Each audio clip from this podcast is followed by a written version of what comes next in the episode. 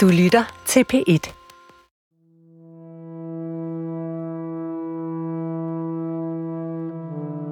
Bare starte med at fortælle, hvorfor er det egentlig, at øh, du gerne vil fortælle, hvad du har oplevet? Jeg har brug for at sætte, være med til at sætte fokus på, hvordan psykolognævnet arbejder. Øh, eller netop ikke arbejder. Hvor passiv de er. Øh, og hvor falsk en tryghed det er, at man tror, at de gør deres arbejde. Så det vil jeg gerne være med til at sætte fokus på. Det her er en af tre kvindelige klienter, jeg undervejs i min research om psykolognævnet kommer i kontakt med, ud over Sara. Tre klienter, som hver især fortæller, uafhængigt af hinanden, at de har oplevet, at psykolognævnet ikke tog dem alvorligt, da de kontaktede nævnet for at klage over grænseoverskridende oplevelser hos hver deres autoriserede psykolog. Det vil jeg gerne vide om er rigtigt, så derfor går jeg i gang med at undersøge deres sager en for en. Og den første er Sanne.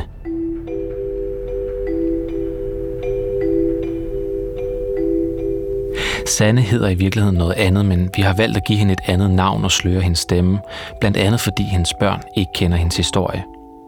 I november 2014 befinder Sanne sig i en akut krise. Hun er netop blevet sygemeldt fra sit arbejde, og kort forinden er hendes mand blevet syg. Og så tror jeg ligesom det, at han er syg, og at de ikke kan finde ud af, hvad han fejler. Øh, det gør, at jeg bare bliver så bange. Jeg tænker, at nu dør han også. Sanne har i løbet af sit liv haft en række voldsomme oplevelser, som hun aldrig rigtig har fået bearbejdet.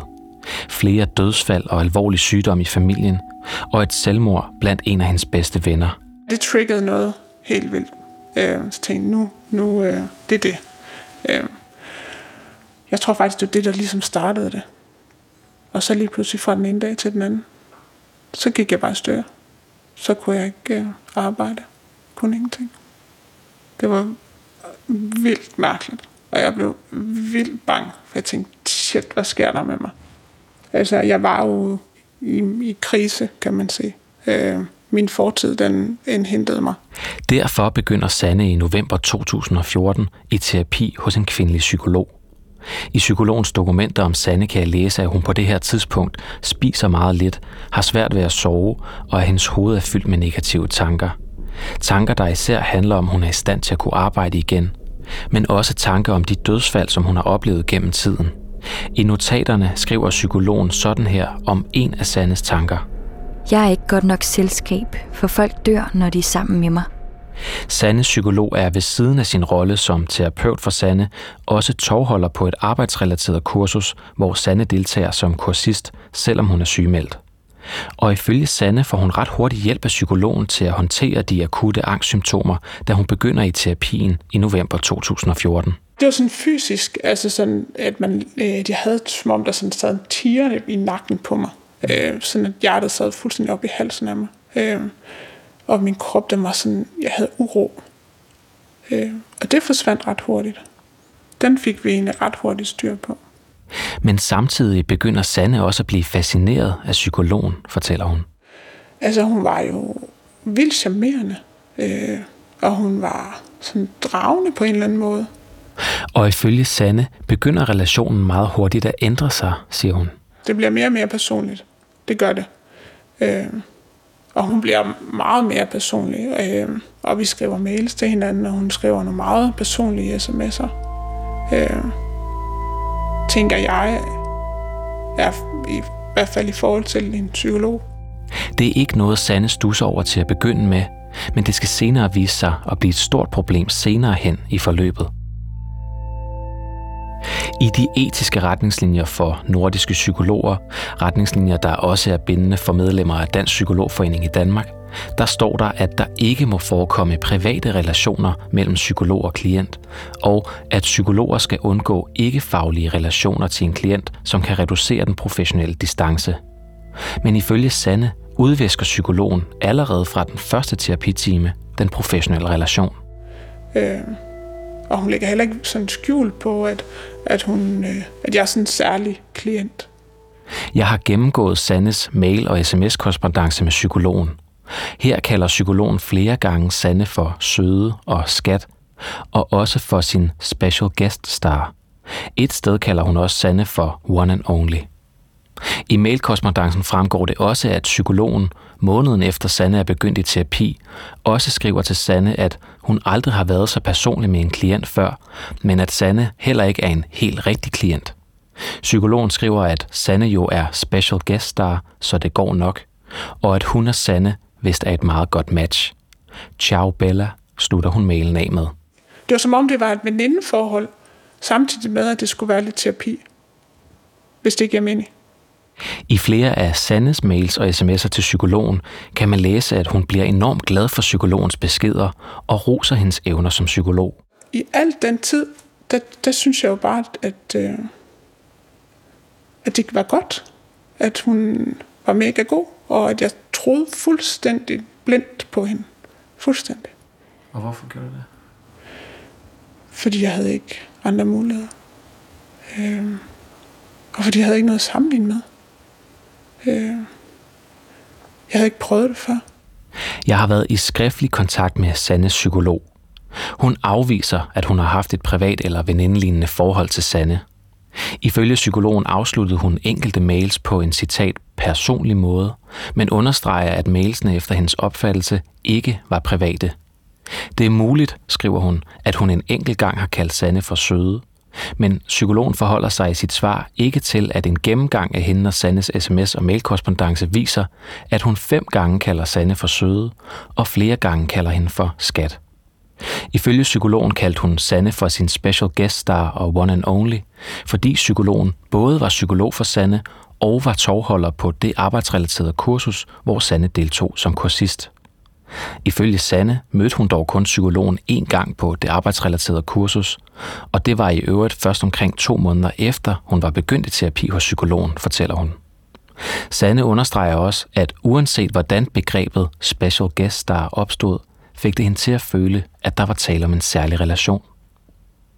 I sit skriftlige svar skriver psykologen også, at hun og Sanne udviklede en let humoristisk tone, som psykologen mener har sat sig nogle spor i den skriftlige korrespondence.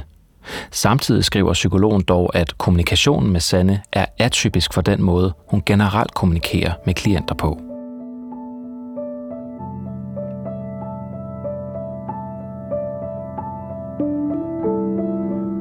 Fra Sandes synsvinkel er der i tiden efter de første sessioner dog ingen tvivl. Hende og psykologen er meget mere end bare en psykolog og en klient. Og fordi psykologen jo har hjulpet hende med angstsymptomerne, er Sande overbevist om, at psykologens hypnosebehandling også vil hjælpe hende til at få det bedre. For de ubehagelige oplevelser med dødsfald og selvmord fra fortiden fylder stadig. Jamen, altså, hun anvendte jo hypnose, og øh, jeg er bare enormt modtagelig for hypnose. Sådan virkelig meget. Øh, og hun lader mig simpelthen i sådan nogle dybe trancer. Og så var det jo bare som om, jeg kom tilbage fuldstændig til de ting, der var sket. Øh, og det var sådan, det var meget voldsomt. Det var simpelthen for meget, og hun var så interesseret i, i døden, og øh, ja. Sådan, og hun blev ved med sådan at sige, at jeg skulle helt ned og nå bunden, for at jeg kunne få det godt igen.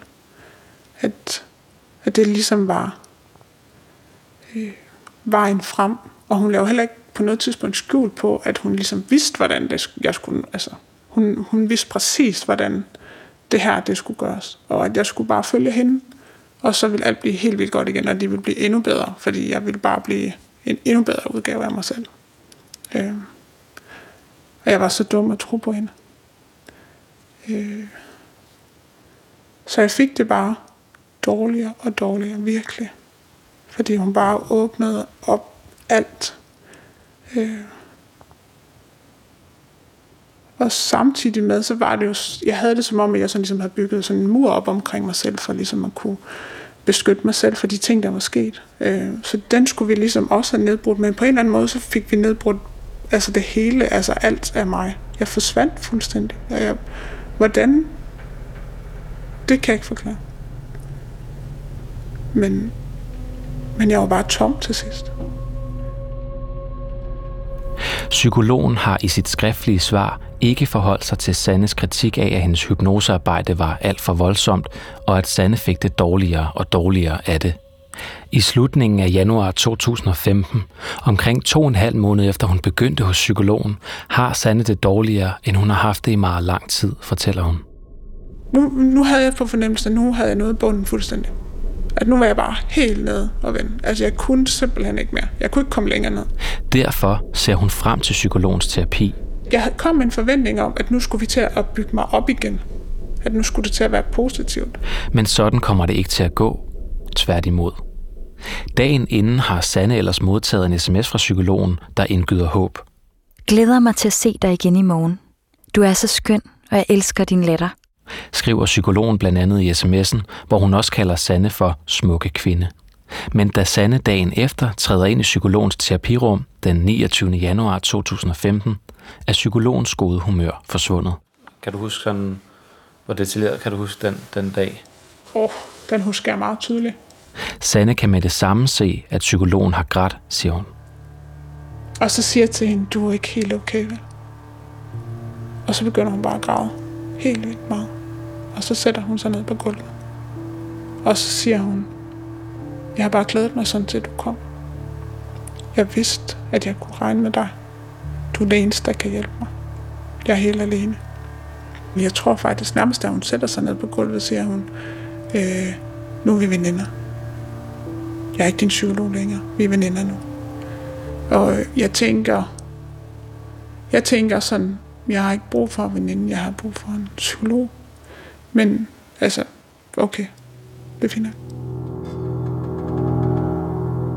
Pludselig er rollerne altså byttet om, fortæller Sanne. Nu er det Sanne psykolog, der beder sin klient om hjælp.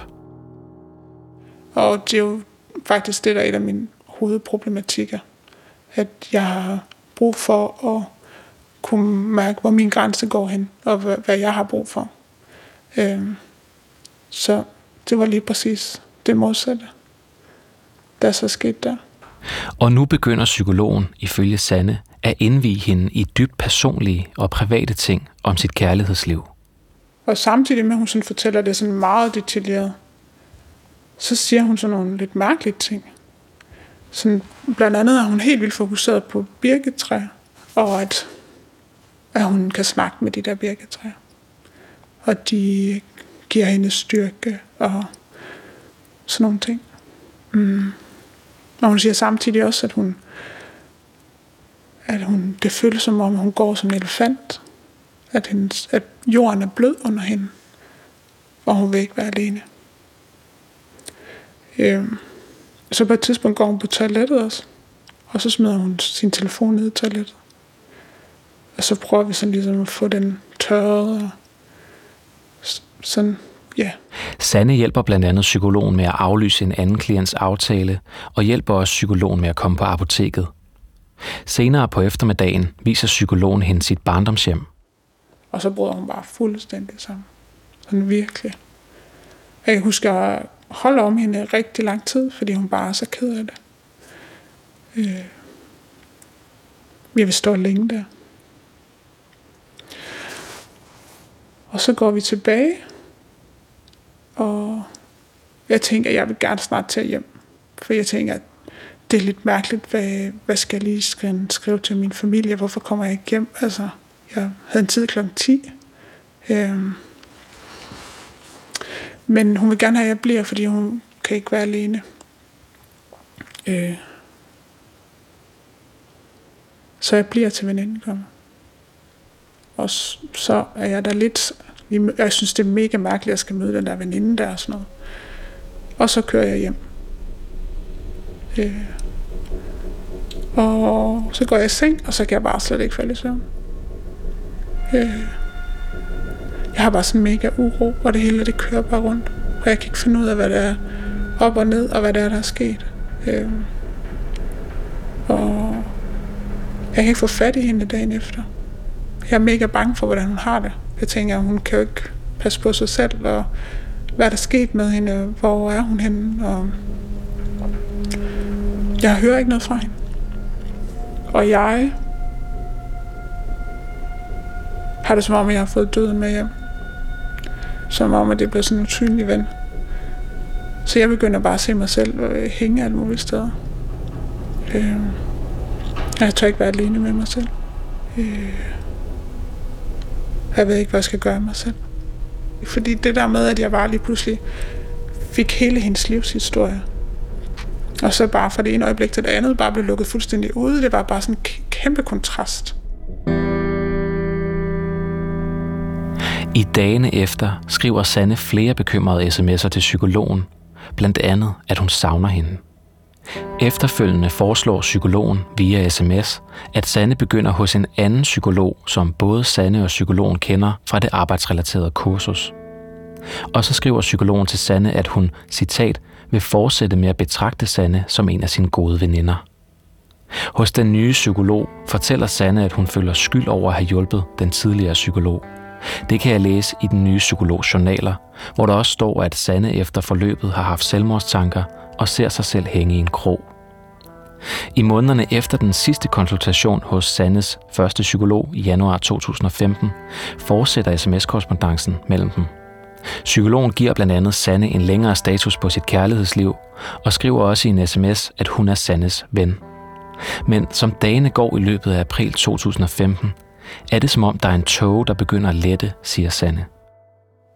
Og så begynder jeg bare at undre mig helt vildt. Jeg tænker, hvad, hvad er det egentlig lige? Hvad var det egentlig lige, der foregik? Øh, jeg bliver faktisk lidt vred, for jeg føler mig enormt snydt. Sådan over, hvad, hvad er det egentlig lige, det her der? Og så tænker jeg, jeg beder om min journal, fordi så kan jeg da se, hvad, hun, hvad for nogle tanker hun har gjort sig. Og det skriver jeg i en sms til hende. Og så får jeg så som svar, at hun egentlig ikke fører decideret journal. Psykologen skriver også i en sms, at hun er langtidssygemeldt og indlagt på en psykiatrisk afdeling. Og nu kontakter Sanne for første gang den offentlige tilsynsmyndighed for autoriserede psykologer, Psykolognævnet. I et notat, som nævnet har lavet, fremgår det, at Sanne ringer ind som anonym, men alligevel oplyser sit eget telefonnummer og fortæller nævnet om psykologens sammenbrud, hendes efterfølgende sygemelding og indlæggelse. Sanne siger til psykolognævnet, at hun først ønsker at klage over psykologen senere hen, når det arbejdsrelaterede kursus, hvor psykologen er tovholder, er afsluttet. Men da jeg læser notatet af telefonsamtalen, kan jeg ikke lade være med at undre mig over, om psykolognævnet bør reagere over for Sandes tidligere psykolog, uanset hvad. Det spørger jeg lektor i sundhedsjura ved Syddansk Universitet, Ken Christensen om. Jamen, det i sig selv, det vil give anledning til at rejse en tilsynssag omkring egnethed. Og det kunne de have valgt at gøre på baggrund af den henvendelse. Det er en sag om en psykolog, som har en psykisk sygdom. Og det, som der følger af psykologloven, det er, at hvis man på grund af psykisk sygdom er uegnet til at praktisere, så kan de give grundlag for at fratage autorisationen. Så det vil sige, at i den her sag, der er det ikke kun en klagesag, der er det også en tilsynssag. Psykolognævnet har ikke ønsket at oplyse, om nævnet oprettede en tilsynssag på baggrund af Sandes opkald. Jeg har spurgt psykologen selv, om hun blev kontaktet af psykolognævnet på baggrund af Sandes henvendelse til nævnet. Men i sit skriftlige svar skriver hun, at hun ikke blev kontaktet. Og det kan ifølge Ken Christensen kun betyde, at psykolognævnet ikke rejste en tilsynssag i 2015. På trods af, at psykolognævnet altså fik oplysninger om, at en navngiven autoriseret psykolog var brudt sammen foran en klient, og efterfølgende var indlagt på en psykiatrisk afdeling, rejste psykolognævnet efter alt at dømme ikke en tilsynssag. Og det betyder her, at den pågældende sundhedsperson i en lang periode vil kunne fortsætte med at behandle patienter, uden vi grunden er klar på, om vedkommende udgør en fare for patienterne. Det vil jeg gerne vide, hvad psykolognævnet siger til. Men nævnets formand, Sanne Bager, har ikke ønsket at stille op til interview eller kommentere Sannes sag. Hun skriver i et skriftligt svar. Som vi også har svaret tidligere, så har psykolognævnet ikke mulighed for at kommentere på de konkrete sager. Når det er sagt, så har vi som tilsynsmyndighed pligt til at reagere, hvis vi modtager oplysninger, der giver anledning til at rejse en tilsynssag. Selvom Sanne kontakter psykolognævnet i april 2015, ønsker hun altså alligevel ikke at klage over psykologen. Og det er der en helt afgørende grund til, fortæller hun. Det, at jeg ligesom kender hende, og jeg, altså, jeg vidste jo nærmest alt om hende, som jeg nærmest øh, kender mine bedste veninder. Det gjorde, at jeg kunne ikke dolke hende. Altså, det kunne jeg da ikke. Det, det var så... Øh, det var så tvetydigt på en eller anden måde. Det kunne, jeg ikke, det kunne ikke være mig, der skulle gøre det. Sanne forklarer altså, at hun på det her tidspunkt står i et dilemma. På den ene side ønsker hun ikke at skade psykologen, men på den anden side vil hun gerne have pengene for terapien tilbage. I en sms skriver hun blandt andet derfor sådan her til psykologen. Jeg ved, at din hensigt aldrig har været at gøre skade på mig, men desværre er det sådan, at det faktisk forholder sig. Det har været utrolig svært for mig at indse det, for jeg troede virkelig på dig. Jeg håber, du en dag vil være i stand til at se klart, og dermed forstå mig og min situation. Jeg fik aldrig den hjælp, jeg behøvede og betalte for, så derfor forventer jeg at få mine penge returneret, så snart du er frisk nok til det. Men psykologen svarer ifølge Sanne ikke på beskeden, og derfor sender hun efterfølgende den her sms. Jeg vil bare fortælle, at jeg har oprettet en sag hos patienterstatningen. Den instans bedømmer udelukkende behandlingen, ikke behandleren. Jeg er ked af, at det er blevet nødvendigt. Psykologen svarer Sanne tilbage. Det er ok. Det er du i din gode ret til, Sanne. På patienterstatningens hjemmeside fremgår det, at patienterstatningen udelukkende tager stilling til, om den, der klager, har fået en skade som følge af behandlingen. Patienterstatningen tager altså ikke stilling til, om en sundhedsperson for eksempel er for syg til at arbejde. Så jeg tænker, hvis jeg klager til psykolognævnet, så skader jeg hende. Så derfor så starter jeg en sag ved patienterstatningen i stedet for. Jeg har set psykologens redegørelse og det journalmateriale, som psykologen indsender til patienterstatningen i sommeren 2015, selvom psykologen altså nogle måneder forinden i en sms skrev til Sanne, at hun ikke førte decideret journal. Og det er netop de dokumenter fra psykologen, der senere skal få Sanne til at kontakte psykolognævnet igen. For her får Sanne nu for første gang et indblik i psykologens forklaring på, hvad der ifølge hende egentlig skete den dag, hun var syg. I sin redegørelse skriver psykologen, at hun vælger at lægge kortene på bordet. Og så skriver hun blandt andet, at hun i mange år har været i medicinsk behandling for bipolar lidelse, det der i gamle dage blev kaldt maniodepressiv sygdom. Ifølge psykologens svar fik hun diagnosen for mange år siden, da hun havde en manisk episode.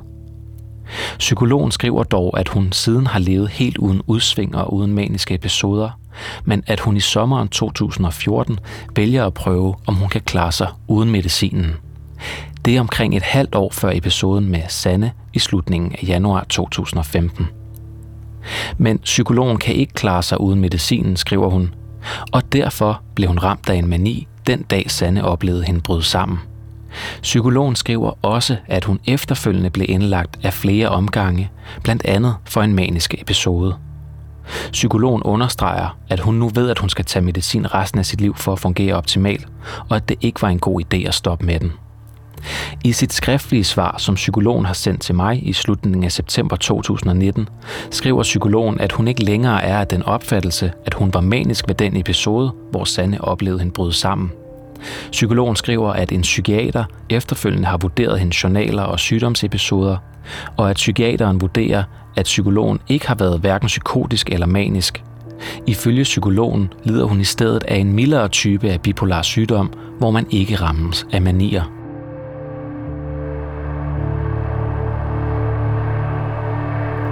Ifølge Sanne er det dog netop, da hun læser psykologens redegørelse til patienterstatningen om, at psykologen var manisk, at Sanne igen vælger at kontakte psykolognævnet.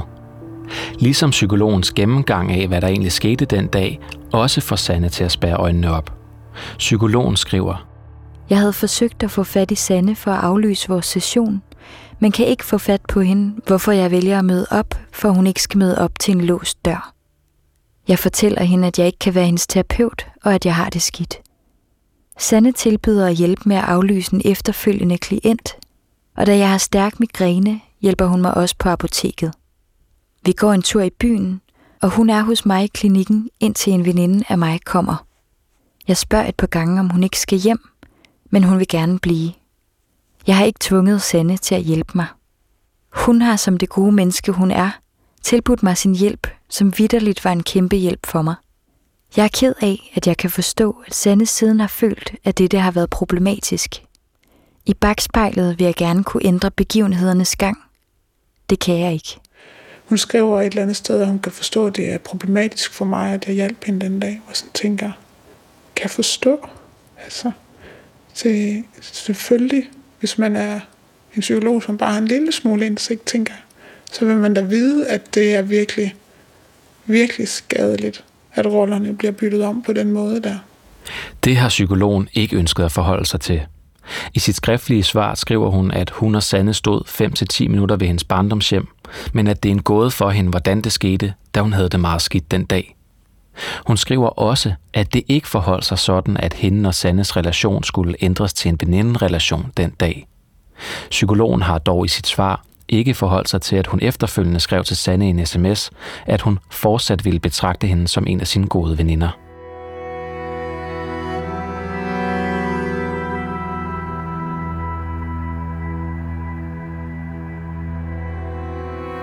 Den 9. november 2015 modtager Sanne patienterstatningens afgørelse på hendes krav om erstatning. Sanne får ikke medhold i, at hun har fået en skade som følge af behandlingen hos psykologen, selvom patienterstatningen skriver, at det naturligvis er beklageligt, at Sannes forløb blev afbrudt på grund af psykologens sygdom. Sanne anker afgørelsen, men får heller ikke medhold hos ankenævnet for patienterstatning. Knap to uger efter, den 21. november 2015, kontakter hun igen psykolognævnet.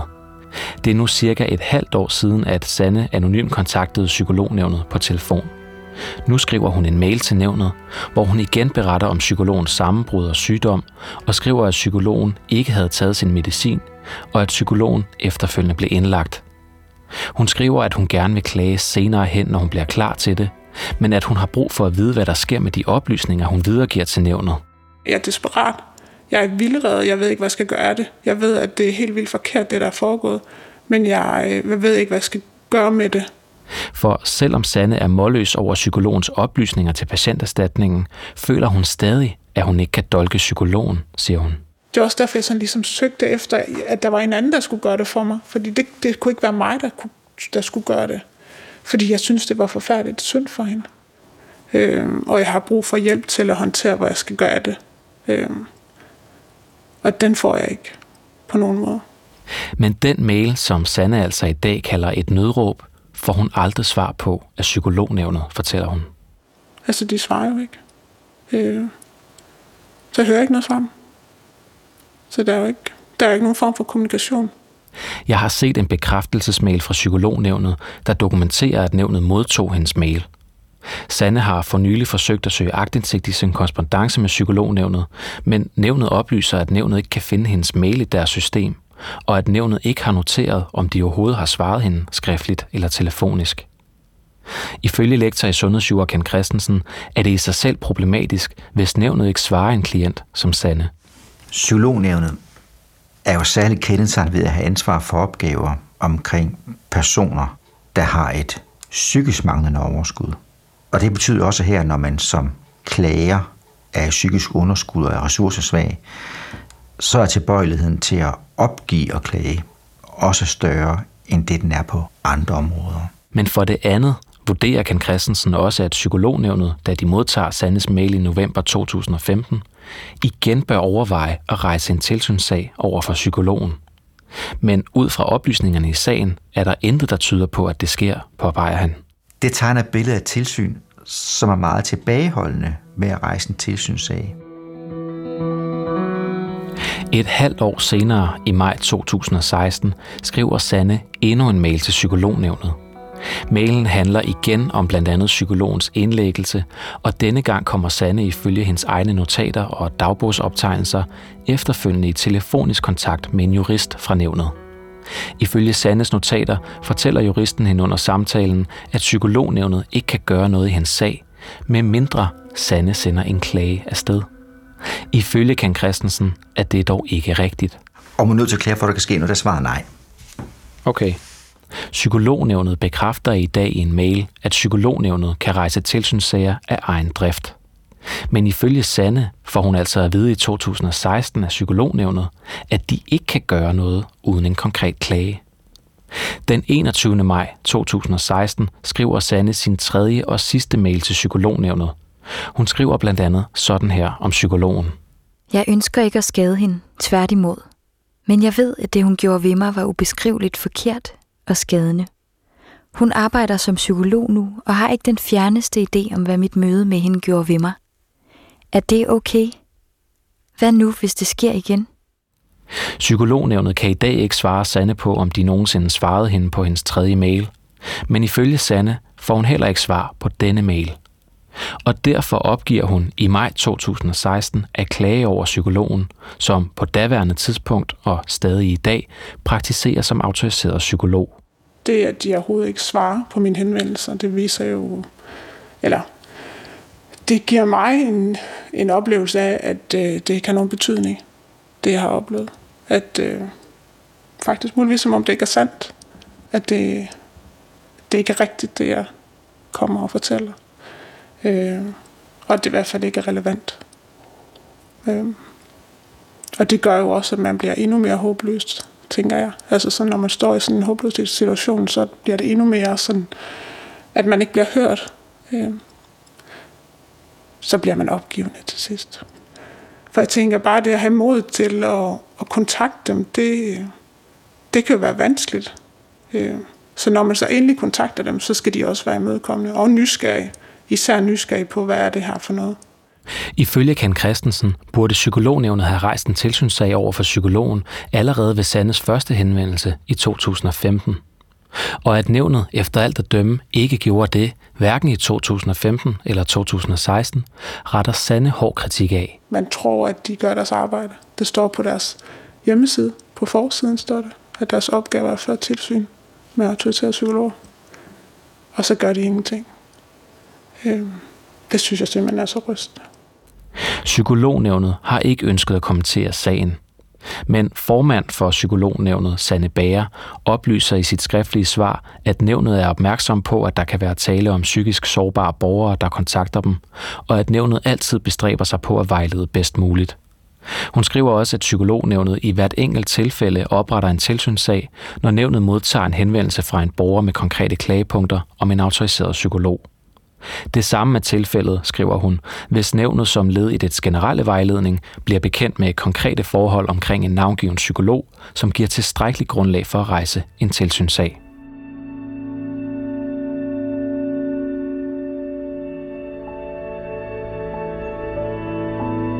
Der er en ting, som jeg flere gange har undret mig over i min research om psykolognævnet – i årenes løb har der været en række sager i medierne om læger, psykiater eller andre sundhedspersoner, der har fået frataget deres autorisation. Ikke nødvendigvis mange sager, men alligevel sager, der er dukket op i danske mediers retsreportager eller afsløringer. Men laver man en søgning på historier om psykologer og autorisationsfratagelser, dukker der, så vidt jeg kan se, kun én sag op. Nemlig den sag om Sara psykolog. Og det er derfor, jeg undrer mig, for der findes tusindvis af psykologer i Danmark. Hvor mange gange har nævnet, siden det blev oprettet for 25 år siden, taget en dansk psykologs autorisation? I næste episode af Det Perfekte Offer 2 får du svaret. Et svar, der har overrasket alle, jeg har fortalt det til. Jeg hedder Emil Eusebius Jacobsen, og den her episode var klippet og monteret af Ida Skærk. Sanne klagede i maj 2019 til psykolognævnet over sin tidligere psykolog, efter hun havde hørt Sara fortælle sin historie her i podcasten. Sandes tidligere psykolog oplyser, at psykolognævnet på baggrund af Sandes klage har rejst en tilsynssag, som forventes afgjort i løbet af 2019.